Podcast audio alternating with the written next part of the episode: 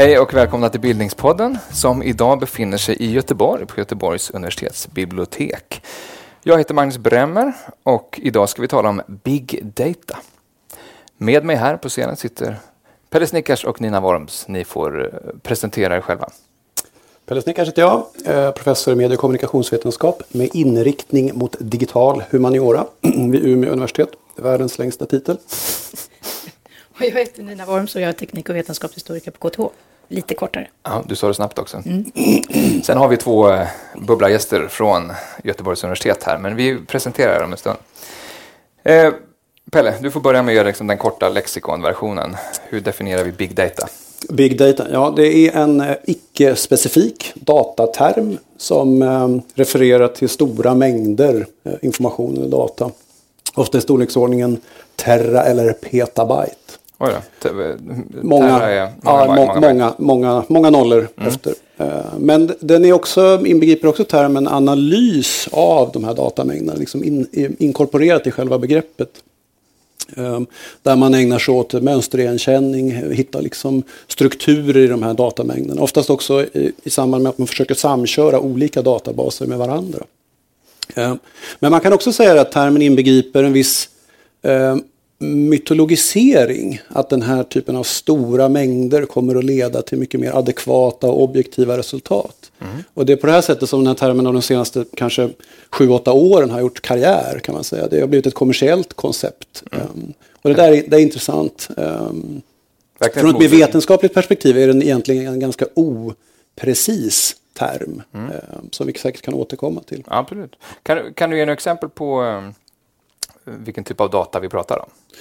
Ja, inom mitt område då som är, är humaniora eller digital humaniora som jag ägnar mig åt så handlar det om eh, vad man brukar kalla för stora kulturella datasätt. Det kan vara miljontals inskannade eh, äldre dagstidningar, det kan vara inskannade målningar, Eh, det kan vara inskannade fotografier eller för den delen audiovisuellt material som man då försöker att analysera på nya mm. sätt.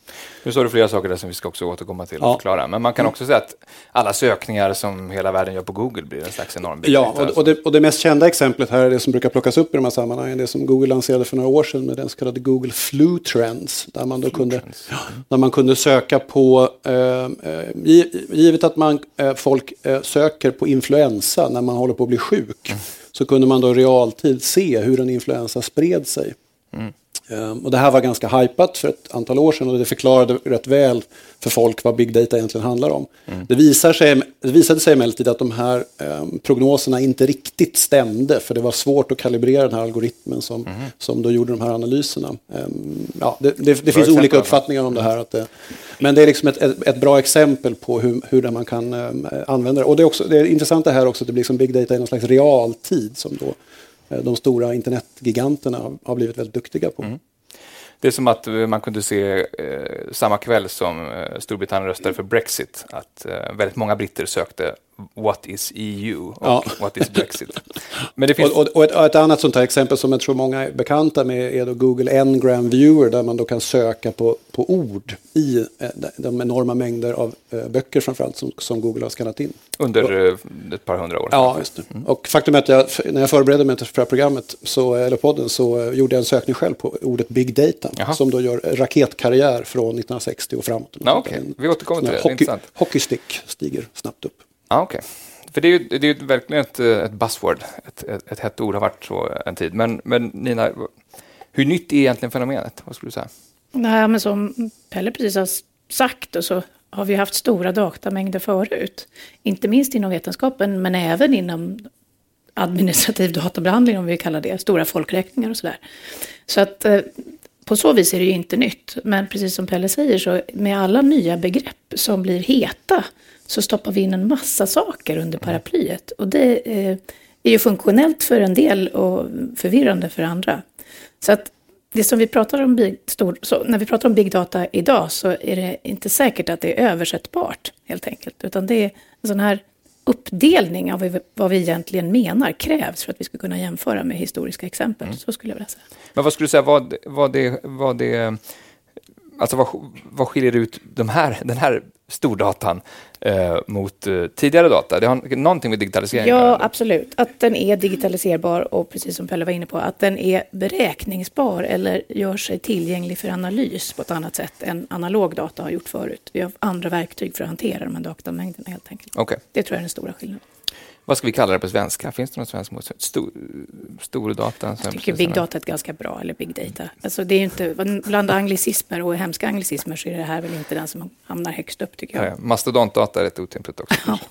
att, jag, jag, säga, jag, tycker att det är en, en term som, jag kan inte säga att jag använder mig av den själv i min egen verksamhet. Jag brukar prata om stora kulturella dataset eftersom jag håller på liksom inom digital humaniora. Ja men dataset, vi, vi, vi, du, ja. vi ska ta en liten glosbok här så vi är med på alla begreppen. Först och främst big data. Vad, vad visar den där uh, Google Ngram viewern som du kollade på, 60-talet ungefär. Att, att, ja, när, när begreppet börjar liksom stiga, ja, något, ja. något sånt ja. Det mm. intressanta med den var, är att eh, den, grafen pikade ungefär kring 2010. Sen började den plana ut lite grann. Mm. Eh, sådär. Så det är, också, Så det, det är inte lika ja. längre? Nej. Nej, och det kanske antyder också att det, här, att det liksom finns en viss trubbighet i det där i det ja. instrumentet. Ja, okay. Mm. Dataset eh, har du sagt några gånger också. Förklara vad, vad ett dataset är. Ja, det, det, det är också en, en, ospecifik term, men det kan då vara ett, ett, en, en, liksom en begränsad mängd data som man, som man arbetar med. Eh, vadå? Jag har ett projekt för närvarande tillsammans med Tekniska museet där vi har digitaliserat deras årsbok Daedalus. Mm. Det kanske är 15 000 sidor. Eh, det skulle jag säga är ett, liksom ett, begränsat dataset. En avgränsad mängd. En avgränsad data. mängd. Data mining då har man ibland också Nina. Vill du Ja, det är ju jätte, det är en helt fantastisk term tycker jag, eftersom den ju leder oss till eh, alla, vi får alla möjliga bilder i huvudet. Eh, och det vilka, handlar om att man föreställer, ja, men alltså när vi, gruvdrift är ju faktiskt mm. något som människan har ägnat sig åt länge. Eh, och den associationen är också intressant eftersom vi föreställer oss att vi kan gå in i den här datan och ta fram rikedomar. Eh, mm. Så data mining är när man söker, man går in i gruvan och, mm. och söker efter saker. Men den döljer ju helt och hållet det faktum att det gruvan och geologin finns, men data är alltid genererade. Mm. Så att det är liksom ingen, ingen ren guldgruva som vi kan gå in och karva lite i och Nej. så komma ut med någonting som vi sen kan sälja. Men det är, stort, det är stort sett att gräva och söka i de här uh, datamängderna. Men jag, jag, jag, instämmer helt och jag tycker, men jag tycker också att den här gruvmetaforen är ganska intressant därför att min erfarenhet av att jobba med just datamine innebär att det är liksom hårt arbete också. Mm. Att verkligen få fram där så man blir helt enkelt svettig och, det, och det är ganska mörkt och, och brusigt och liksom, jag ska inte säga att det är bullrigt men, men det, det, ja, så det lyser är, någonstans från en skärm kanske. Ja.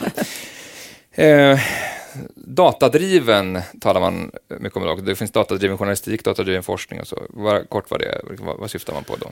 Ja, det, det är en, en, omdebatterad term får man lov säga. Eh, okay. Inom, inom vissa vetenskapssektorer tror jag inte att det är så, så liksom, eh, att man tycker att den är så konstig, medan andra tycker att det ska vara mer liksom drivet av, av specifika forskningsfrågor. Mm. För mig handlar det där Eh, en Man ska inte vara slav under datan. Nej, men det, för mig handlar det om att min, när jag var doktorand för 20 år sedan så höll jag på med vad jag kallade för arkivdriven forskning. Jag satt på Kungliga biblioteket och liksom bläddrade igenom massa gamla eh, fotografiska tidskrifter och var på jakt efter sånt som jag liksom skulle kunna använda. Mm. Eh, och den här forskningen har numera liksom blivit mer datadriven. Vad kan jag göra av de här digitaliserade sidorna av Daedalus. Eh, hur, hur, vilka är de mest frekvent förekommande namnen i de här eh, eh textmängderna etc, etc. Så det är liksom den typen av... Så man säger datadriven journalistik? Du, du, du, du, menar att man gör journalistiska arbeten utifrån vad som finns ja, digitaliserat eller ja, vilka datamängder? Och ja, kan man säga. Men, men datadriven journalistik kan ju också vara att man försöker samköra olika typer av register för att få kon på, mm. på, på diverse saker. Mm. Alltså det har också del... pratat om grävande journalistik, så här finns en annan typ av grävande. Då. Sådär, ja, precis. Eh, det ska, man ska avtäcka. Mm. Men jag tänkte, ett av de här, en kritik som har framförts mot datadriven är eh, att den distanserar, alltså de som håller på med, de som kallar det de gör för datadriven eh, forskning, de har ju, är ju fullt medvetna om dialektiken mellan material och frågor. Men när Hur det, Ja, att, att det är klart att man sen måste anpassa sina frågor efter man faktiskt hittar. Och att det, det är inte bara så att, det, att det, när man går in i arkivet så plötsligt så poppar upp en bok där mm. med teori och förståelser och mm. liksom kvalifikationer och sådär. Utan att det här är en process hela tiden. Men när det här dyker upp i en forskningsproposition oproblematiserat, då måste man ändå fundera lite på vad det betyder för de politiker och de tjänstemän på regeringskansliet som som vill att vi ska ägna oss åt det. Mm. Så att det är väl den här skalan med översättningar av vad ord betyder. Mm. Och när de blir populära och de eh, blir oproblematiserade, då kan man också, ja då kan det få konsekvenser. Så mm. jag tycker det är bra att vi pratar om begreppen. Det är, det är också ett, ett, ett, ett modord, skulle säga. Jag vet inte om det är ett modord, men, men det är i alla fall ett ord som det går att diskutera. Mm. Det, det, har varit ett, ja, det kan man säga, ett modord, jag vet inte, men det, men det finns då i den senaste forskningspropositionen och det kommer mm. då komma extra pengar åt det här hållet. Mm. Uh, och det kan man ha synpunkter på från ett mer klassiskt humaniora-håll, om det här är Samtidigt så kan man också vända på det och säga att här finns det liksom ett område där även statsmakterna tycker att det finns liksom behov, ett behov av att trycka till lite mer pengar. Så det, vilket, inte, vilket så ofta inte är fallet för humaniora annars. Nej, och det kan man då se som en möjlighet. Ja, visst. Men vi, eh, vi tar några till. The Internet of Things läser man ganska ofta idag. Vad, vad, menar man med the internet of things? Det hör väl lite grann ihop med det här ändå? Ja, alla saker ska finnas på nätet kan man väl säga. Det är väl en kort version. Ja, eller ja. att de är, de är uppkopplade på, på olika sätt. det är också alla de här tingen som vi, vi har läsplattor och datorer här. Mm. Uh, Spårbart och sökbart. Ja, som också genererar en massa data av sig självt hela tiden och ja. Eh, alla moln och sånt. Uh, ska vi ta bot också? Ja. Vad är en bot? Bot är ett litet, en liten automatisk programvara som mm. då gör, kan göra komplicerade saker eller enkla saker. På Wikipedia finns det jättemånga små bottar som åker runt och städar och tar bort konstiga skrivningar eller eh, stavfel och så vidare. Så vidare. Det mm. med mer, på Twitter finns det en hel del bottar som eh, svarar eh, plötsligt på något meddelande när någonting har, eh, när man har skrivit in någon typ av, av mm. Eh, information. Det kan också användas, eller har använts, i politiskt syfte, eh, vilket man då tycker har varit ett problem i amerikanska valet. I amerikanska valet till exempel. Ja. Eh, och skriva, Men också väldigt användbart. Eh, ja, sportjournalistiken är, är sån där. Det, det, det, det, det avslöjar någonting om sportjournalister, så att, att, att de kan ersättas av, av bottar. Men de kanske är lätt, lättare att de slipper skriva den där matchreferaten. Ja. Men de kan också användas för, i, som, som, eller jag har använt det i min verksamhet som en slags forskningsinformanter, som är, som är ett väldigt intressant mm. tema. Vi kan återkomma till det. Mm. Och de är styrda av algoritmer, gissar jag, eller? Vad, så här, vad är en algoritm? Nina, vill du ta den? Nej. det, är ett litet, det är ett litet program som gör någonting, eh, kan man ju säga. Som förklarar? En räkneprocedur. Ja. Ett recept är den klassiska. Ja. Ja, just det. Just det. Även om somliga inte gillar det. Den, den liknelsen. Varför inte då? Ah, jag vet inte, jag har hört det från, från, mer från dataloger som tycker att det där är...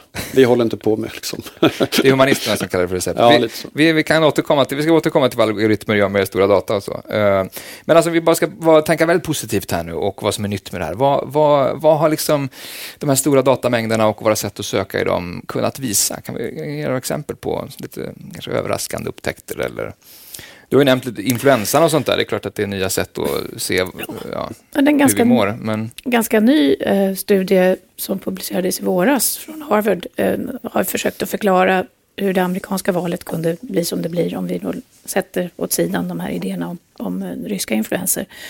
Man kan med stora datamängder eh, analysera hur folk har retweetat och läst eh, och hur medier, alltså kopplingarna mellan olika medier sändare så att säga. Mm. Eh, och hur Breitbart och, och, News och Fox News påverkar det som man ju har kallat mainstream media i USA. Mm. Eh, och så kan man, kan man titta på, på dem, eh, hur, hur nyheter färdas helt enkelt och vilka nyheter som får stort genomslag i relation mm. på, på olika ställen.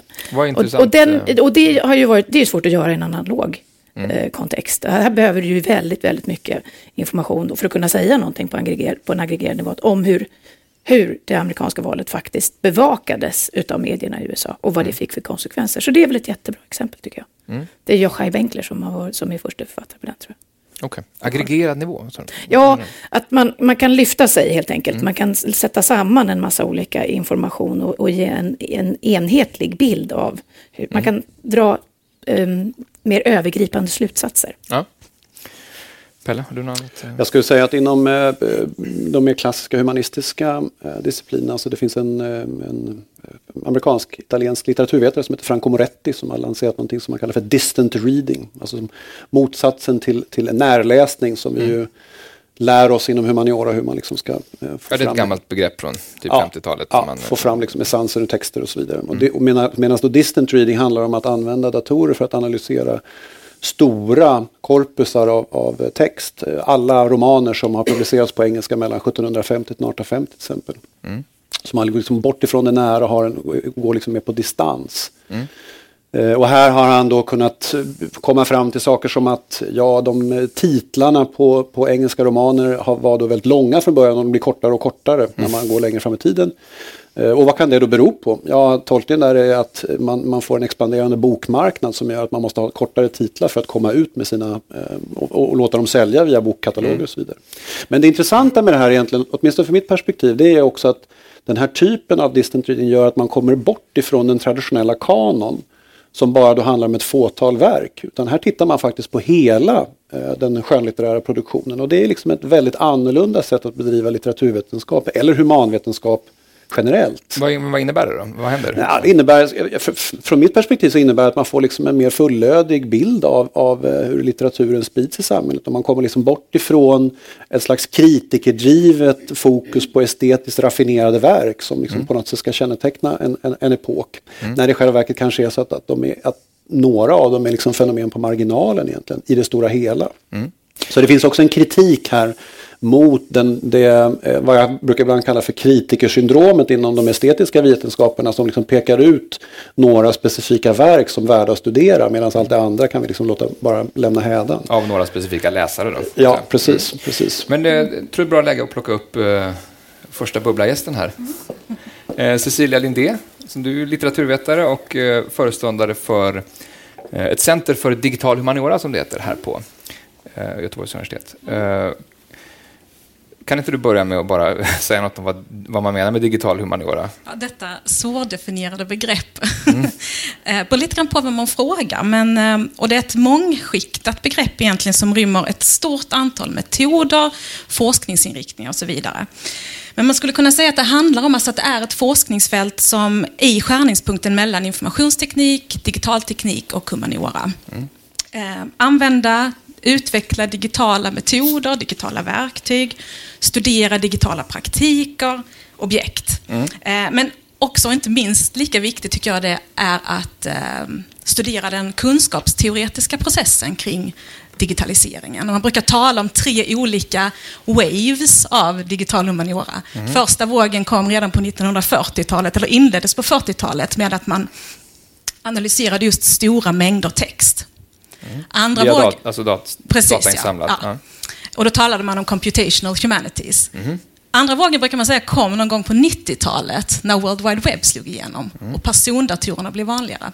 Eh, multimediala uttryck och så vidare, så inte bara text. Och nu kanske man snart kan se en tredje våg. Och då skulle jag vilja säga att den vågen mycket väl skulle kunna kännetecknas av ett intresse för och fokus på det kunskapsteoretiska. Alltså vilka betydelser får det här för hur vi bedriver humanistisk forskning och hur vi så att säga, producerar humanistisk forskning. Och eh, som delvis beror på den tekniska utvecklingen då, att vi kan söka på nya sätt och samla in material? Exakt, och något som har blivit väldigt populärt de senaste åren är just kritiska kodstudier, critical code studies, som man mm. tittar och analyserar software och så vidare. Så det, det hoppas jag det ska bli. Bara, några fler ord om det. Vad menar att man eh, man, man är intresserad för mjukvara på något sätt? Ja, precis. program, hur ja. det fungerar. Och kritiska perspektiv på den, humanistiska okay. kritiska perspektiv mm. på kod. Och man kan väl säga att den här italienska litteraturvetaren, eller vad vi ska kalla honom, Franco Moretti, eh, är, är väl en, eh, ett stort namn inom digital humaniora-fältet kan man säga ändå. Alltså distant reading, är, som Pelle beskrev här, är väl en, en, en, typ av forskning som, som lyfts inom digital humaniora. Ja, verkligen. Och ser man ur ett svenskt perspektiv så behöver vi mer material. Det mm. finns inte så mycket digitaliserad svensk skönlitteratur nu. Så mm. där, det är verkligen ett, ett område med stor potential. Så vi behöver resurser till det, digitaliserade svenska materialet. Just det, Litteraturbanken som Exakt. digitaliseras, mm. är, hör till, eller är kopplat till Göteborgs universitet? Ja, eh, det är det. Och de gör, har gjort ett stort arbete med att digitalisera eh, skönlitteratur, men vi mm. behöver ännu mer material. Så vi har inlett samarbete med de nordiska länderna för att försöka få till stånd okay. mm. Men mer, vad, vad, vad, har du nu mer exempel på eh, forskning där ni använder Eh, big data? Ja, alltså det är så svårt. När blir det big data? Kan man ju, mm. hur kan stort ska det vara? Ja, exakt. Hur stort ska det vara? Men vi har precis påbörjat ett, ett projekt som jag själv tycker är väldigt, väldigt spännande. Eh, och det är så att i norra Bohuslän, i Tanum, så finns Europas största förekomst av hällbilder från bronsåldern. Alltså 3000 år gamla hällbilder. Det här är ett projekt som drivs av Johan Ling också som är arkeolog här på GU.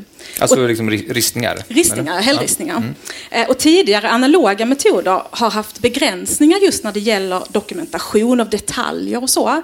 Huggningsdjup, tekniker och form. Men med hjälp av ny teknik, alltså laserskanning och 3D-dokumentation och så, så har man kunnat se nya saker i de här ristningarna då. Och vi inledde ett projekt faktiskt i förra veckan. Mm. Så jag kan inte presentera några resultat, men jag kanske kan få återkomma ja, ja, till det.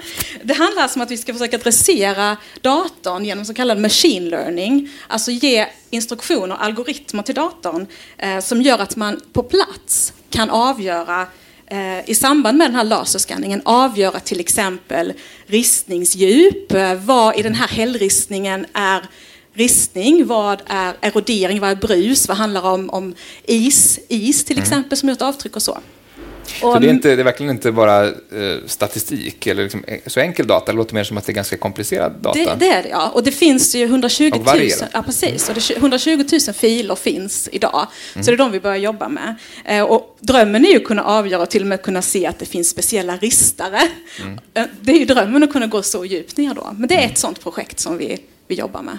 Det finns en, eh, ganska mycket tv-program nu också, som, som, eller ja, många, men det finns ett par exempel på tv-program, särskilt brittiska tror jag, som gör eh, datascanningar av kulturhistoriska miljöer, Machu Picchu och sånt där, och så gör man olika sökningar på. Det är en typ av, eh, liksom, eh, om inte digital humaniora, så digital arkeologi åtminstone. Alltså. Ja, och det digitala inom arkeologin var ju framträdande redan på 1950-talet, så att de har hållit på mm. väldigt länge, men vad man kan se är att ännu fler humanistiska ämnen och discipliner intresserar sig för det här med 3D-miljöer och visualiseringar av liksom kulturarvet. Och där finns ju flera problem med det förstås. Att det handlar om att man måste synliggöra också vad som är vad vet vi om till exempel en miljö? Eh, eller en, vad, det här, vissa saker, alltså, det är viktigt att det syns vad vi med säkerhet kan veta och vad vi kanske vet och vad vi inte är så säkra på. Just det. Mm. Har du något projekt, annat projekt där ni har börjat se lite resultat? Så?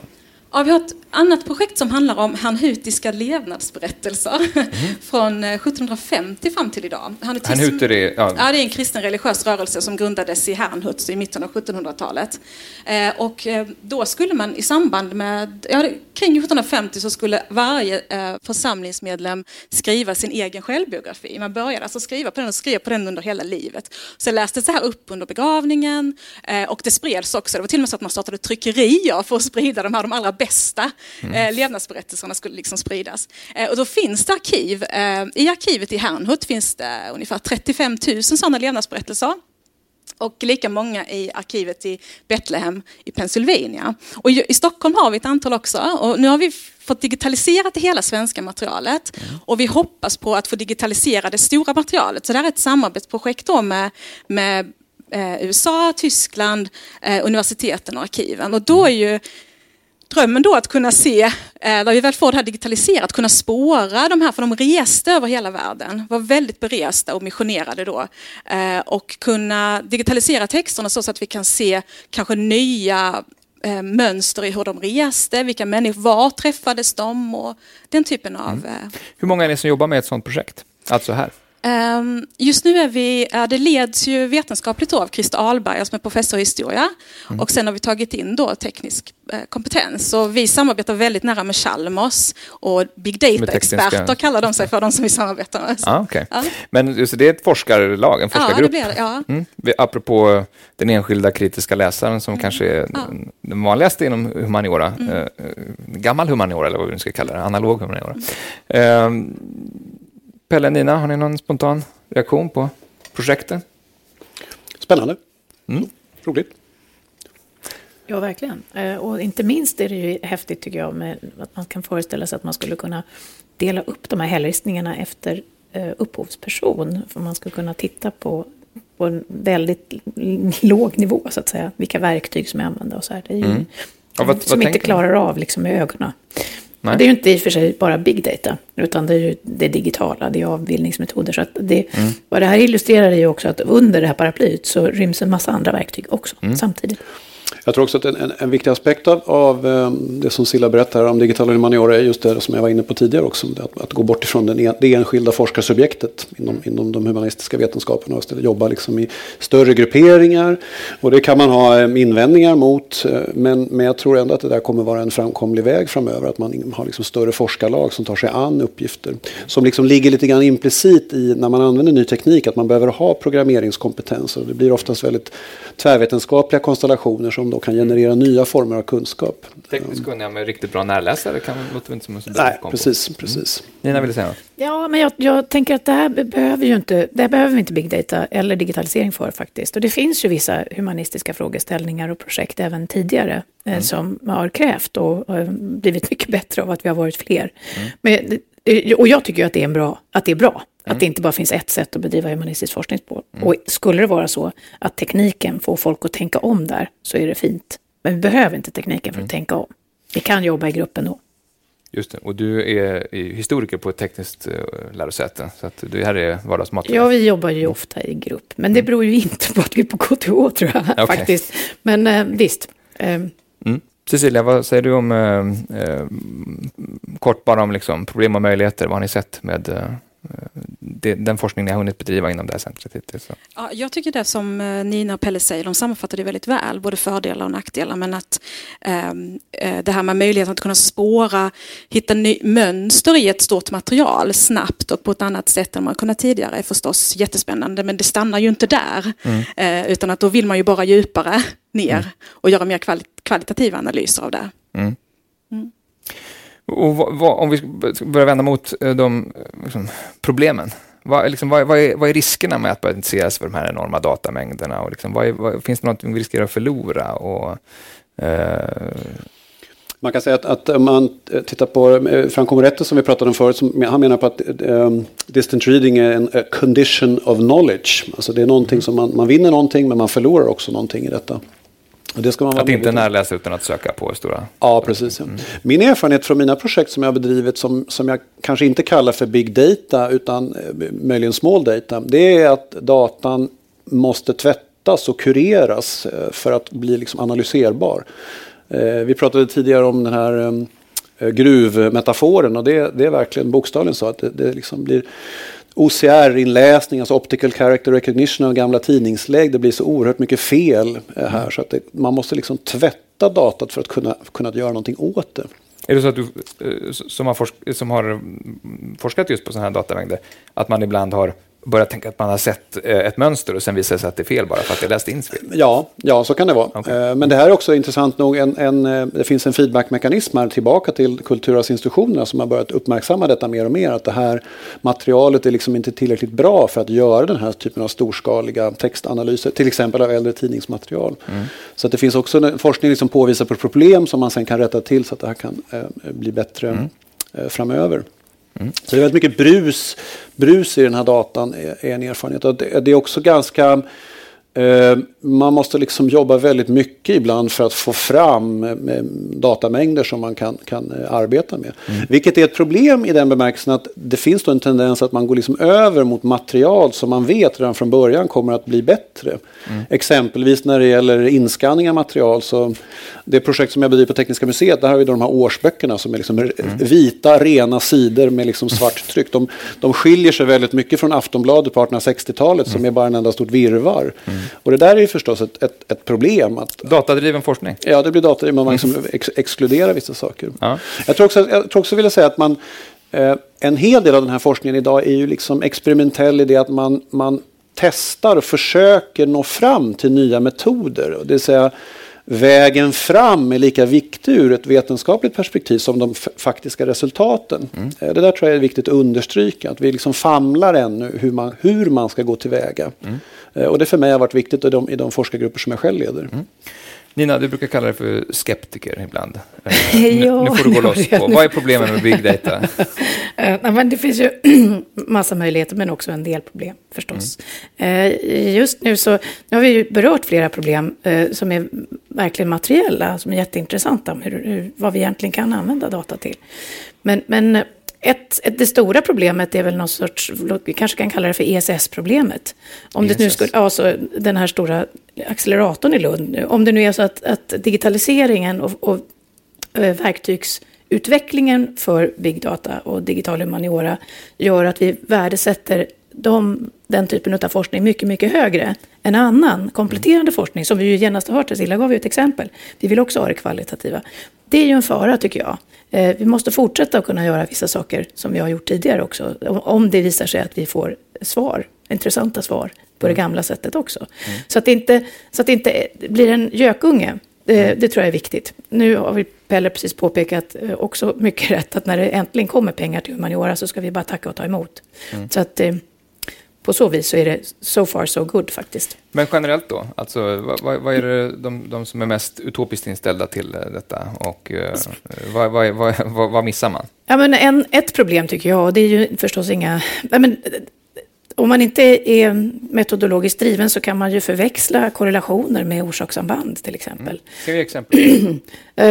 ja, men det visar sig ju att nobelpristagare, de har ju väldigt dyra bilar. De är inte nobelpristagare för att de har dyra bilar.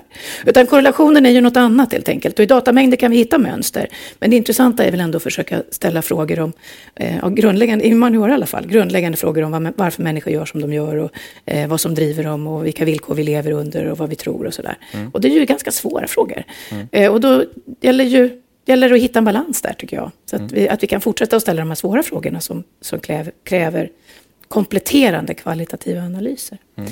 Men sen finns det ju en andra, ja, man kan kalla det för en, en sorts skugg, skuggeffekt. Att, att, den, att den gamla analoga humanioran hamnar i skugga för den nya balla och hippa digitala och, humanioran. Och inte bara inom humaniora utan också som all, all, allt som inte digitaliseras. Ja, just det. Precis, mm. för att vi kan ju, här kanske man ska skilja lite på den den data som är born digital, alltså som, som genereras som digital från början. Mm. Eh, som visserligen genereras då inte bara finns. Och den data som digitaliseras och ta, som tas fram för att man eh, digitaliserar analog eh, data. Eh, och den processen, den senare processen, den kommer ju nödvändigtvis inte kunna bli fullständig. Utan där gör vi ju hela tiden val. Mm. Precis som vi gör val när vi går in i arkivet. Men just nu så finns det en intressant diskrepans mellan vad forskarna faktiskt vill ta reda på och vad en del kulturarvsinstitutioner och eh, statliga initiativ faktiskt digitaliserar. Och det har pågått en tid, så nu försöker man dessutom ha sorts inkubatorer och intermediärer mm. mellan forskarna och digitaliseringsprojekten. Mm. Eh, och det där tror jag vi ska ägna lite uppmärksamhet mm. åt, så att vi digitaliserar det som vi tycker är intressant. Och då Forskare, är forskarna... diplomater? Ja, kanske. Tolkar. Ja. Vi ska ta upp vår nästa bubbla-gäst här. Eh, Johan Magnusson, som är forskare på institutionen för tillämpad IT som har en big data som profilområde kan man säga. Yes.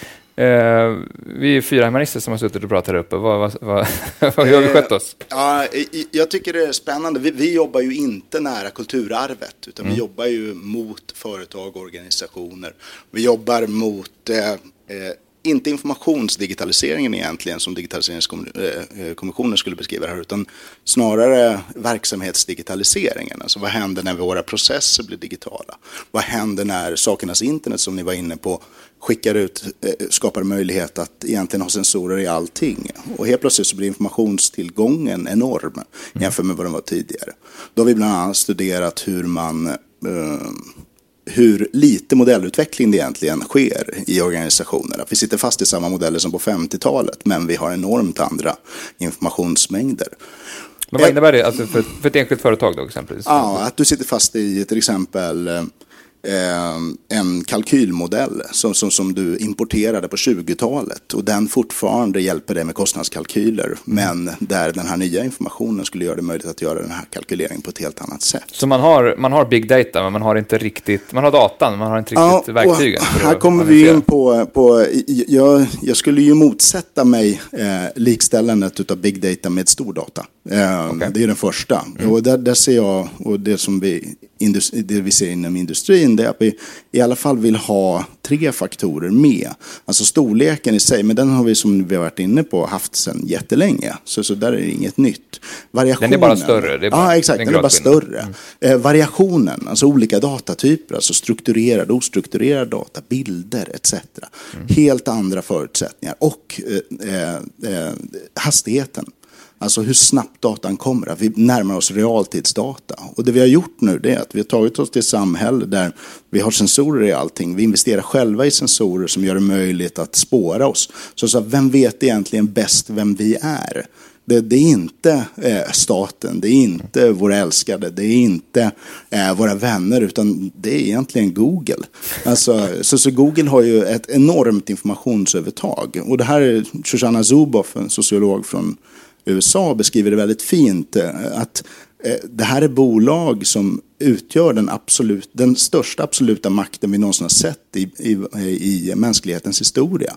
Mm. Och, och, då blir ju frågan, alltså, när vi då självmant kliver in i en värld där allting är uppkopplat och där någon annan äger datan. Hur ska vi förhålla oss till det? Hur ska bolag förhålla sig till det? Det, det blir en väldigt spännande dynamik som kommer ur det mm. där. Hur försöker företag förhålla sig till här? Företag försöker väldigt tydligt klättra eh, mot dataägande. Och om vi tar SKF som ett exempel. När du lyfter, SKF? SKF, eh, eftersom vi är i Göteborg tänkte jag. Svenska får... kullagerfabriken. Ja. Eh, eh, hur de skjuter in sensorer i sina produkter och helt plötsligt blir det möjligt att veta exakt när kunden behöver en ny produkt. Mm. Okay, det, det, kan ju verka eh, löjligt, liksom. men genom att veta det så behöver du egentligen inte längre ha lager. Mm. Alltså, vilket blir en enorm omställning. Genom att veta det så kan du också börja sälja tjänster.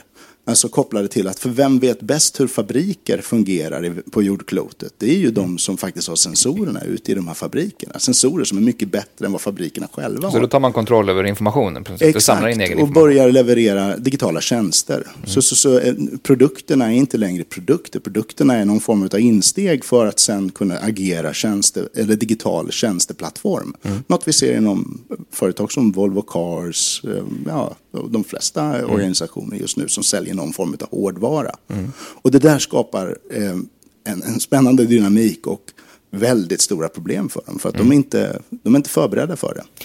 Här finns det verkligen företag och företag. Google, Facebook och alla internetjättar sitter på ja, överlägset mest Vi har oligopol. Eh, mm. situation. Hur stort är det problemet? Ni kan alla få säga något om det. Börjar du Johan. Jag ser att eh, det är ett jättestort problem eh, Och, och, och, och, vi försöker komma åt det på lite olika sätt genom lagstiftning och sånt där. Men det är ganska tandlöst för vi har fortfarande inte börjat värdera den här dataresursen. Så, så innan vi värderar dataresursen så kommer vi liksom inte att komma åt det här problemet, säger jag. Så, men ett markant problem. De har ju tagit steget ifrån data mining till reality mining. Alltså, det är inte längre så att du fattar beslut. Min klocka säger till mig när jag ska stå. Ja, du har en, en ja, klocka från ett sånt företag. Så Apple berättar för mig när jag ska stå upp. Apple berättar för mig när jag ska andas. Lyssnar du då? Jag har, barn, eller jag har kompisar som har barn som är direkta effekter av algoritmer. Alltså, så, så, att vi ser redan, alltså genom datingsajter, vi ser mm. redan all, det vi kallar algoritmisk agens, alltså att algoritmerna agerar själva. Och det där blir ett problem, framförallt om algoritmerna är rasistiska eller sexistiska och har eh, eh, konstiga motiv som vi inte mm. riktigt kan analysera. Det är ju det här liksom receptet reagerar på eh, datamängden och det kan vara allt från att få böcker rekommenderade i, i på, när man går in Absolut. på internet och kan vad man har köpt och så vidare. Eller eh, som Cathy O'Neill är inne på i Weapons of Math Destruction, hur, hur man ska dömas, alltså vilket straff man ska få i en amerikansk domstol. Mm. Alltså, och då skulle vi naturligtvis inte ha ras med som en faktor i den här algoritmen, men vi kan ha postnummer. Mm. Och vi vet att samhället är ganska segregerat. Så att, mm. det, och det där är, det, det, är ett enormt problem mm. som, som, som vi kliver in i då, genom det här. Nina? Ja, din fråga var om det är ett stort problem att mm. det finns sådana eh, monopoltendenser på nätet. Eh, jag eh, tycker att det är ett stort problem. Mm. och jag är fascinerad av att det i en tid som vi ju betraktar som på många sätt liberal och genomsyrad av föreställningen om det fria valet så, så väljer folk inte fritt därför att de eh, uppfattar sig som direkt inlåsta i system. Eh, det var några som föreslog i somras tror jag att man skulle för att komma ifrån det där, tänka sig en idé om den personliga data ungefär som telefonnumret i, i mobiltelefonsystemet. Mm. Ganska länge så var det ju så att om du ville byta från Telia till Telenor så fick du byta telefonnummer också. Mm. Men tillgången till, till ditt telefonnummer är väldigt viktig för dig, för du har alla dina kompisar uppkopplade till just det där telefonnumret. man kunde tänka sig den personliga datan på samma sätt, att vi faktiskt äger den. Och när vi, de tjänster som vi har på de här sociala plattformarna, Eh, de är inte beroende av att vi lämnar ifrån oss den datorn, utan den är faktiskt vår. Då skulle en del av de här mm. jättarna kunna brytas upp. Mm. Det finns ju några sådana aktörer redan nu som, där man kan liksom sälja sin egen personliga data. Data, datamäklare, ja. Ah, okay. Med, man får inte så mycket betalt för det, men det finns ändå liksom en bransch för detta. Så då, ja, då, då, släpper man i stort sett iväg lika mycket som man skulle gjort gratis annars? Ja, eller, men, men jag, jag, tror att effekten av den där typen av tjänster är att man som användare får liksom kon på att man också har den här eh, resursen. Mm. Det tror jag är det största problemet idag, att vi inte liksom bland gemene man förstår egentligen hur mycket data som man själv genererar. Mm. Sen är det ju, jag, menar, jag, jag, kan, jag, jag tycker också förstås att det här är ett problem, men jag kan också tycka att det finns liksom grader i helvetet här. Vissa, okay. vissa aktörer undviker jag själv. Jag, jag, är inte alls på Facebook till exempel. Jag tycker, mm. Det tycker jag liksom är en genomkommersialiserad plattform som vi inte vill ha att göra med. Mm. Google däremot tycker jag liksom, ja men jag kan, jag kan köpa att när jag vill titta på de här YouTube-videorna så får jag titta på sju sekunder reklam före dem. Det är mm. fine. Mm. Så, så det är också lite grann en, en avvägning ibland. Eh, var man själv väljer att eh, vara någonstans. Det finns ett bra begrepp för det där tycker jag, att vi säljer oss hela tiden, att vi blir varor på nätet. Det är inte så att vi bara köper saker på nätet, utan bara det faktum att vi finns på nätet ju, skapar ju värde hos någon annan. Eh, och det är transaktionstransparens, eller avsaknaden på det. Det Pelle pratar om, att om man sätter ljuset på det här, att folk förstår faktiskt att det man gör skapar värde hos någon annan. Så det är egentligen en transaktion när du söker. Då tror jag att, det, att vi skulle kunna komma ganska långt. Att få den transparensen kan vara ganska svårt. Men man kan försöka eftersträva den mm. faktiskt. Mm. Det där kan vi ju dra ett steg ytterligare. Det är egentligen inte varor. Jag ser det som fabriksarbetare. Alltså, vi är fabriksarbetare som ser till att träna algoritmer, som ser till att driva intäkt genom att klicka på länkar och som ser till att bygga upp strukturkapital i de här företagen. Så, så, så, så, så vi, är, vi, är, vi är lydiga fabriksarbetare som har stämplat in så fort vi öppnar datorn. Och därefter eh, så, så, så stämplar vi ut när vi stänger datorn. Mm. Eh, trodde vi. Men sen så visade det sig att vi bär omkring på telefonen. Att vi bär omkring på sensorerna. Att vi använder prylar som är uppkopplade och helt plötsligt så, vänta, vi, vi stämplar aldrig ut. Mm. Oj. Vi kanske är tillbaka nere i gruvan igen. Ja, jag skulle säga det. Många härliga metaforer idag. Eh, tiden börjar ta slut, men om vi skulle hoppa fram 10-15 år kanske räcker och titta på, på det här fenomenet, begreppet big data i, i, i backspegeln. Hur, hur kommer vi betrakta den här perioden? Jag tror att det finns en, en, en tilltagande eh, vetskap om att det här begreppet är liksom problematiskt på olika sätt. Eh, och också att det Eh, ja, att man får vara liksom lite försiktig med detta. Att den här datan heller inte liksom är, är bara nummer som visar. Det, var, det fanns en famös artikel av Chris Anderson som skrev The End of the Theory i Wired 2008. Att man liksom behöver inte längre teorier för någonting utan man kan bara räkna. Liksom, mm. Mer data är, är, ger oss alla svaren. Det där tror jag är, är mer och mer uppenbart att så, så är inte fallet. Mm. Um, vi kommer se lite naivitet i hur vi närmar oss. Uh, då, men den här mm. håller på att plana ut, det skulle mm. jag säga. Mm. Ja, nej, precis. Data talar inte för sig själva nej. helt enkelt. Facts mm. don't speak for themselves. Men en annan sak som jag tror kanske att vi kommer bli uppmärksamma på är, är just den ojämna tillgången till data. Inte bara det faktum att eh, humanister kommer att behöva tekniker och andra för att komma åt den, så att andra typer av färdigheter kommer krävas. Utan just de här företagen som vi, vi alla känner till, de sitter, precis som Johan säger, på enorma mängder data och har tillgång till den datan och kan faktiskt forska på den datan. Men vi kan inte verifiera deras forskningsresultat, för vi har inte tillgång till data. Och det här kommer ju vetenskapssamhället inte i långa loppet att acceptera, i alla fall inte om de problem och de resultat som man får ska cirkuleras i våra sammanhang. Mm. Eh, och den, den, mörka framtidsvisionen är förstås att man forskar på det här data och så behåller man det inom, inom väggarna och så använder man det bara för sin egen verksamhet. Eh, och då klart att då tappar vi ju en del och så får vi som står utanför då skrapa data som är ofullständig och, mm. och sätta ihop den på något sätt. Om vi ska ha en ljus framtidsvision. Digital divide. ja. Om vi har en ljus eh, framtidsvision, hur, vad, vad måste till för att eh, vi ska få en sån ljus framtidsvision? Eller ljus framtid? Um, effektivare internationell reglering tror jag vore bra. Mm. Sen så tycker jag det vore bra om sådana här värdeord dök upp lite oftare som moral och så. Mm. Ja, Men jag skulle säga också att ett, från ett, ett åtminstone medievetenskapligt perspektiv så ett av, ett av de problemen som dyker upp när man ska försöka göra, driva den här typen av forskning är att det är egentligen inte tillåtet enligt eh, olika användaravtal att, att skrapa data eller att ta in data på olika sätt. Mm. Det här tror jag man skulle från forskningsfinansiärer behöva titta lite mer noggrant på. Eh, inte så att, att forskning som ska bryta avtal men att man gör vissa typer av undantag för att till exempel få kon på algoritmisk diskriminering. Mm. Hur ska man liksom kunna studera detta om man inte ens kan få tag på den här datan därför mm. att då bryter man ett avtal. Mm. Det där tror jag behövs en, liksom en större forskningsetisk diskussion kring som mm. vi liksom inte riktigt har än. Cecilia, Johan? Jag håller helt med Pelle där. Jag hoppas ju det som jag sa tidigare med den tredje vågens digital humaniora, att den ska ha mer fokus på det här med, med algoritmer till exempel. Det är möjligt att bygga in en etisk dimension i algoritmer kopplat till det som Johan berättade om risken för sexistisk och främlingsfientlighet i de algoritmer som, mm. som arbetar. Så. Mm. Jag ser, en, eh, jag ser egentligen väldigt ljust på det här. Alltså det, det har en tendens att trycka upp... men det har en tendens att trycka upp kreativiteten inom forskarskrået. Och det tycker mm. jag är fantastiskt bra. Mm. Alltså att vi börjar se en ökad eh, acceptans för alternativa modeller och alternativa metoder. Mm. Det får bli sista ordet. Eh, tack Johan Magnusson, Cecilia Lindé, Nina Worms och Pelle Snickars. Och tack till er som har lyssnat här och i hörlurarna. Vi är tillbaka om en vecka igen. Tack, hej!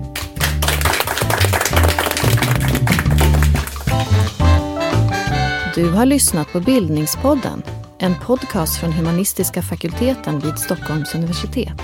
Producerad av Magnus Bremmer och Claes Ekman.